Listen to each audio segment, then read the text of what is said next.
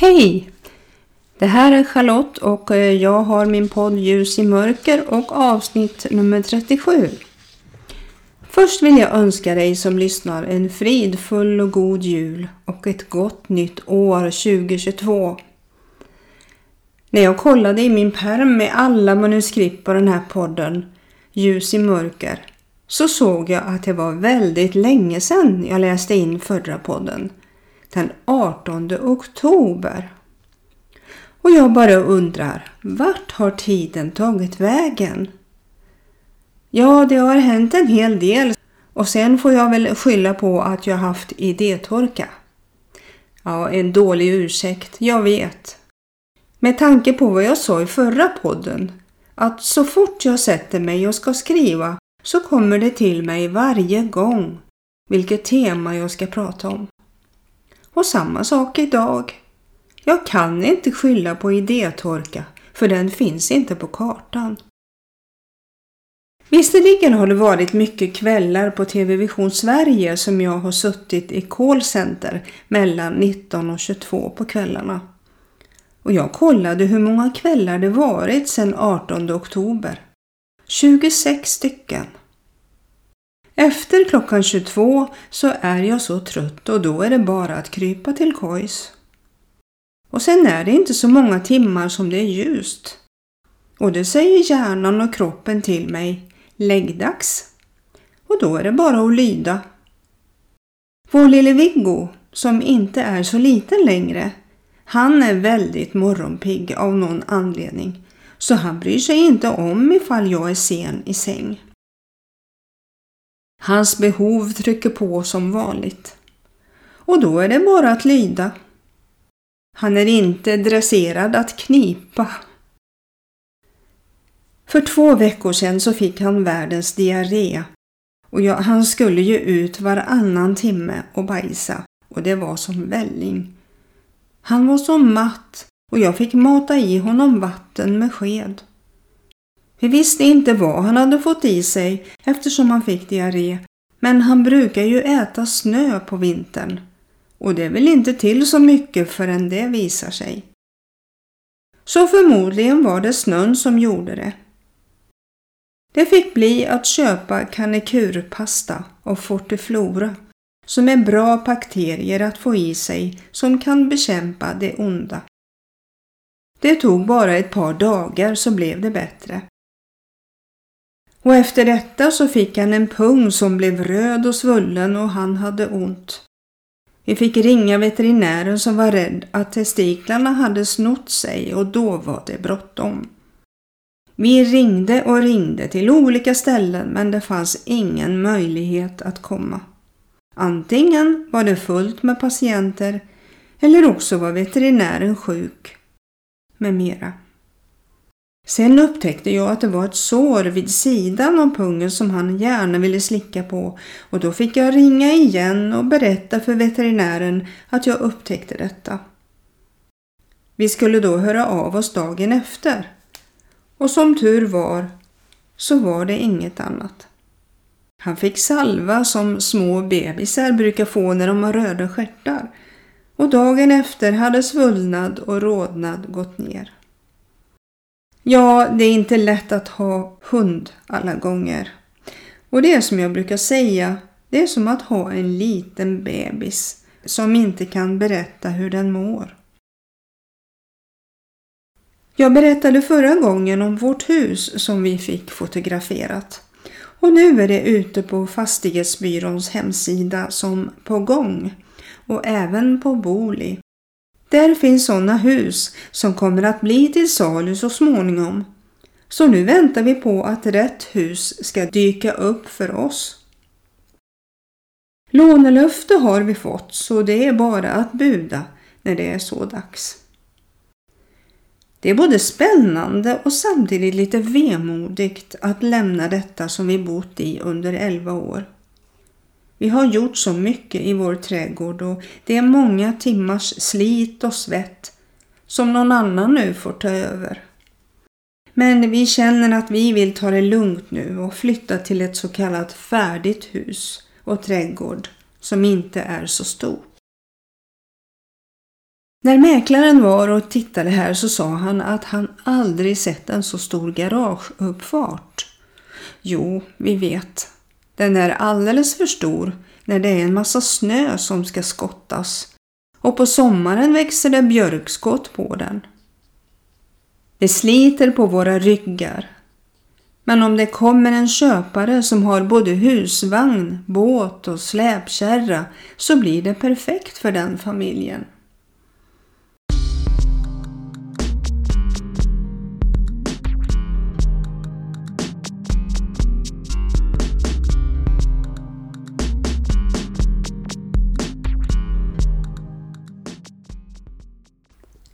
Nej, nu är det dags att ha ett litet bibelstudium känner jag. Och idag har jag inte valt att berätta om Jesus i krubban eftersom det är jul utan idag har jag valt en liknelse som Jesus berättade för folket som samlades framför honom på stranden medan han själv satt i båten. Och det här är hämtat ifrån Matteus evangelium kapitel 13 från vers 33. Han berättade mycket i liknelser och de som står här i Matteus handlar om himmelriket. Innan så hade jag läst det kapitlet och förstod precis hur han menade. Men idag så förundrade jag mig över att jag hade trott helt annorlunda än vad han menade. Det betyder att vi måste läsa Bibeln med öppnade ögon. Kärnbibeln är så bra för den förklarar lite mer än vad som står i en vanlig bibel. Så här, det, så här står det i Matteus 13 och 33 om liknelsen om surdegen. Ännu en liknelse framställde han, alltså Jesus, för dem. Himmelriket är likt en surdeg som en kvinna tar och blandar in i tre mått mjöl till dess allt sammans blir syrat. Jesus talade bara i liknelser till dem för att det skulle uppfyllas som var sagt genom profeten. Jag vill öppna min mun för att tala i liknelser.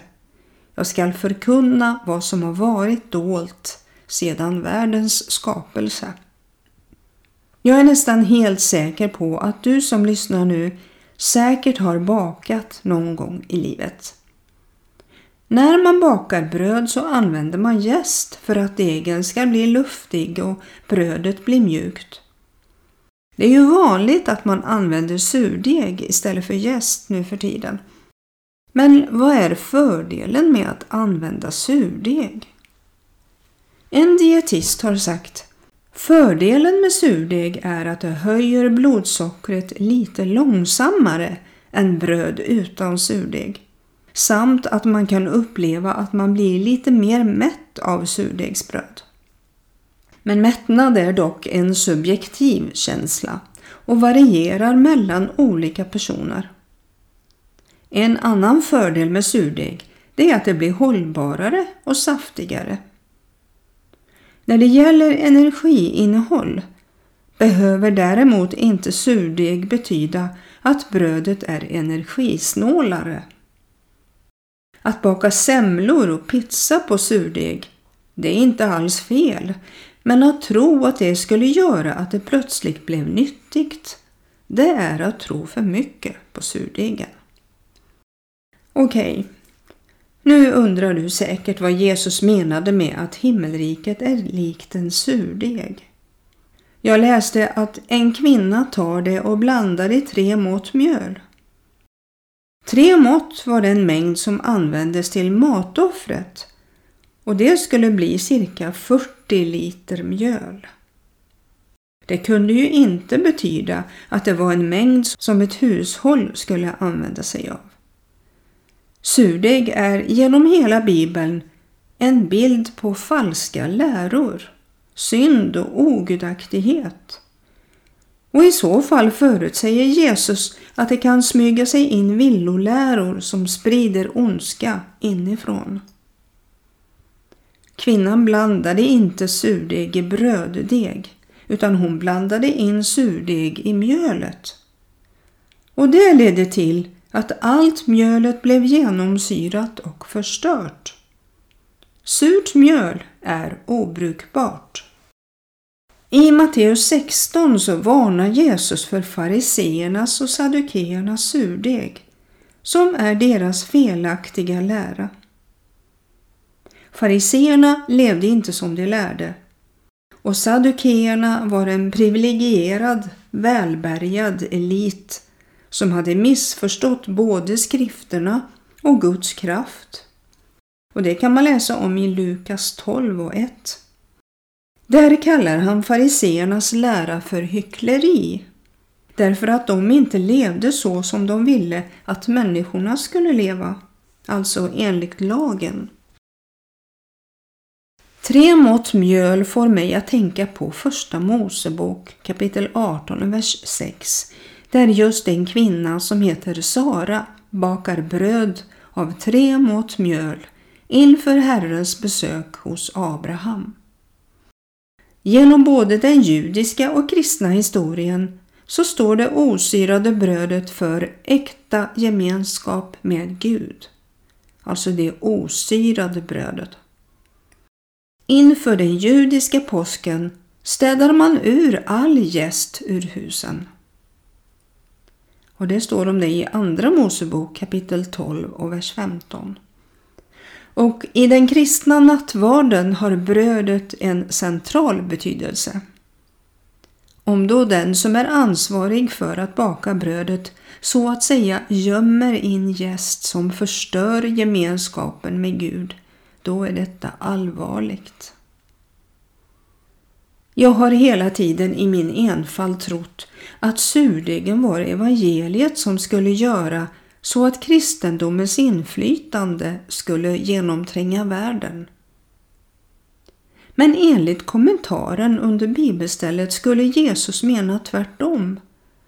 Att världens inflytande kommer att genomsyra församlingen. Den sista tiden kännetecknas inte av världens förbättring utan av kristenhetens förfall. I så fall borde vi dra åt oss öronen, alltså ana oråd.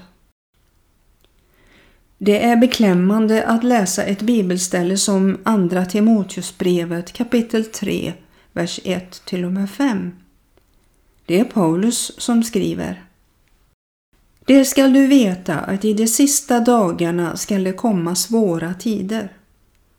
Människorna kommer att älska sig själva och vara penningkära, skrytsamma, stolta, hånfulla, olydiga mot sina föräldrar, otacksamma, gudlösa, kärlekslösa, oförsonliga, skvalleraktiga, obehärskade, råa, fientliga mot det goda, falska, egensinniga och högmodiga. De skall älska njutning istället för Gud och ha ett sken av Guds fruktan men förneka dess kraft. Håll dig borta från dem, skriver Paulus. Att ha ett sken av Guds fruktan men förneka dess kraft. Det kallar jag hyckleri om något. Då har man missat orden som står i första Korinthierbrevet kapitel 4 och vers 20. Ty Guds rike består inte i ord utan i kraft. Vad är då kraften? Jo, det är den helige Ande om man förnekar den kraften, då är man illa ute. Alltså, vad vore evangelium utan kraft? Utan den helige Ande? Ingen människa som har blivit född på nytt kan förneka att det var kraften i den helige Ande som gjorde att han eller hon blev överbevisad om synden i sina liv.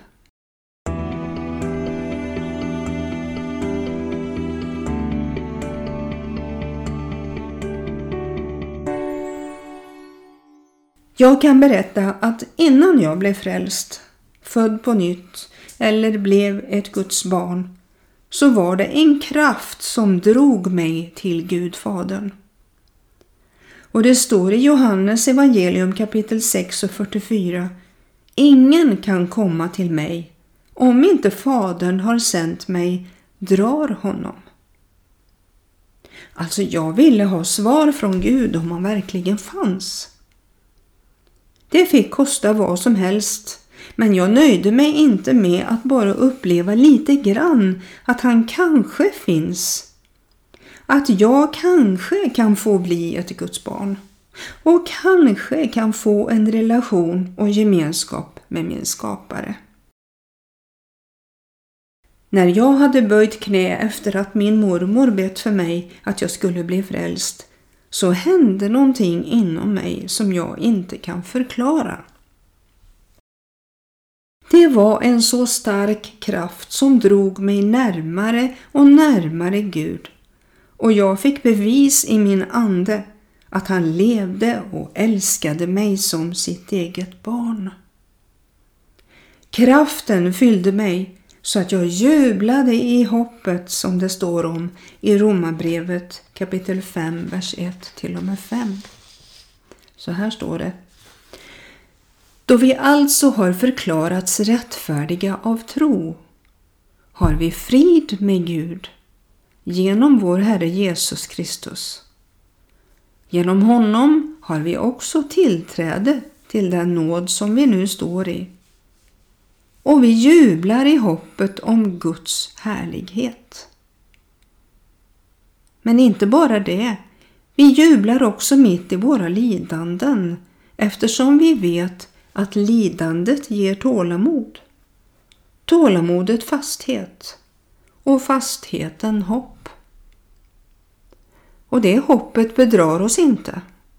Ty Guds kärlek är utgjuten i våra hjärtan genom den heliga Ande som han har gett oss. Kan det bli tydligare? Jag fick en förvissning i mitt hjärta att Guds kärlek var utgjuten i mig genom den heliga Ande som han gav mig i samma stund som jag valde att tillhöra honom. Guds ande och min ande blev förenade och jag upplevde och upplever den kraften i försoningen som Jesus fullbordade på korset. Det är så fantastiskt.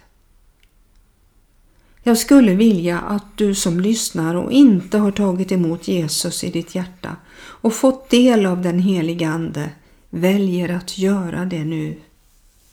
Det är något som du aldrig någonsin kommer att ångra.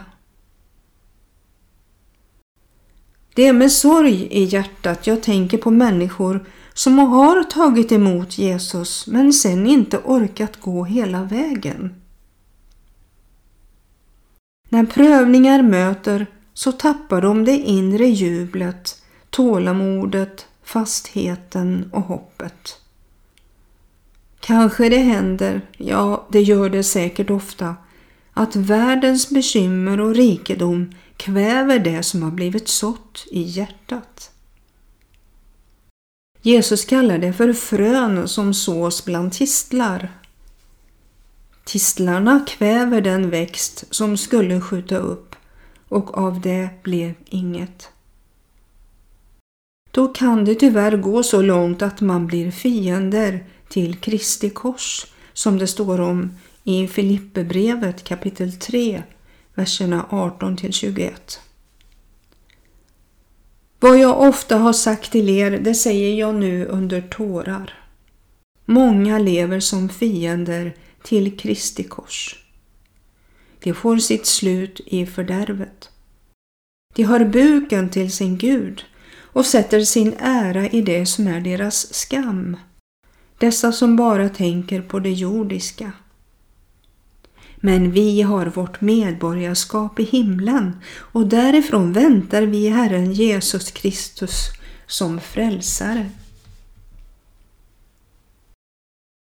Han skall förvandla vår bräckliga kropp så att den blir lik den kropp han har i sin härlighet. ty han har makt att lägga allt under sig. Herren vill att vi ska vara uthålliga och förtrösta på honom som förmår att rädda oss från fall. Vi ska inte förtrösta på oss själva utan på han som har skapat oss. Han vet vad för ett verk vi är. Han tänker på att vi är stoft. Jesus har också blivit frestad i allt men föll aldrig i synd. Därför kan han rädda oss och ge oss kraften när vi prövas. För vi blir inte prövade över vår förmåga utan när han låter prövningen komma så bereder han en utväg ur den. Låt oss inte vara namnkristna och modlösa för Gud har inte gett oss modlöshetens ande utan kraftens och kärlekens och självbehärskningens ande. Om det inte finns kraft i evangeliet genom den heliga Ande så skulle inte de första lärjungarna ha vågat stå och predika inför allt folket på pingstdagen. Församlingen hade inte vågat gå ut med evangelium och den hade avstannat i växten. Vi ser idag att det sker under och tecken överallt där Guds rike predikas. Människor blir helade till sina kroppar. Onda andar blir utrivna och människor får uppleva frälsning och blir döpta i den helige Ande. Och Gud är densamme idag som han var på de första apostlarnas tid. Jesus har dött, men han uppstod på tredje dagen och han lever idag. Halleluja! Som vi märker så lever vi i den sista tiden innan Jesus kommer tillbaka. Allt det Jesus sa till sina lärjungar som var tecknet på hans återkomst det håller på att uppfyllas och kommer att uppfyllas mer och mer. Aldrig tidigare i historien har det varit så nära. Så kom till Jesus idag. Han väntar på dig. Gud välsigne dig att ta beslutet innan det är för sent. Amen.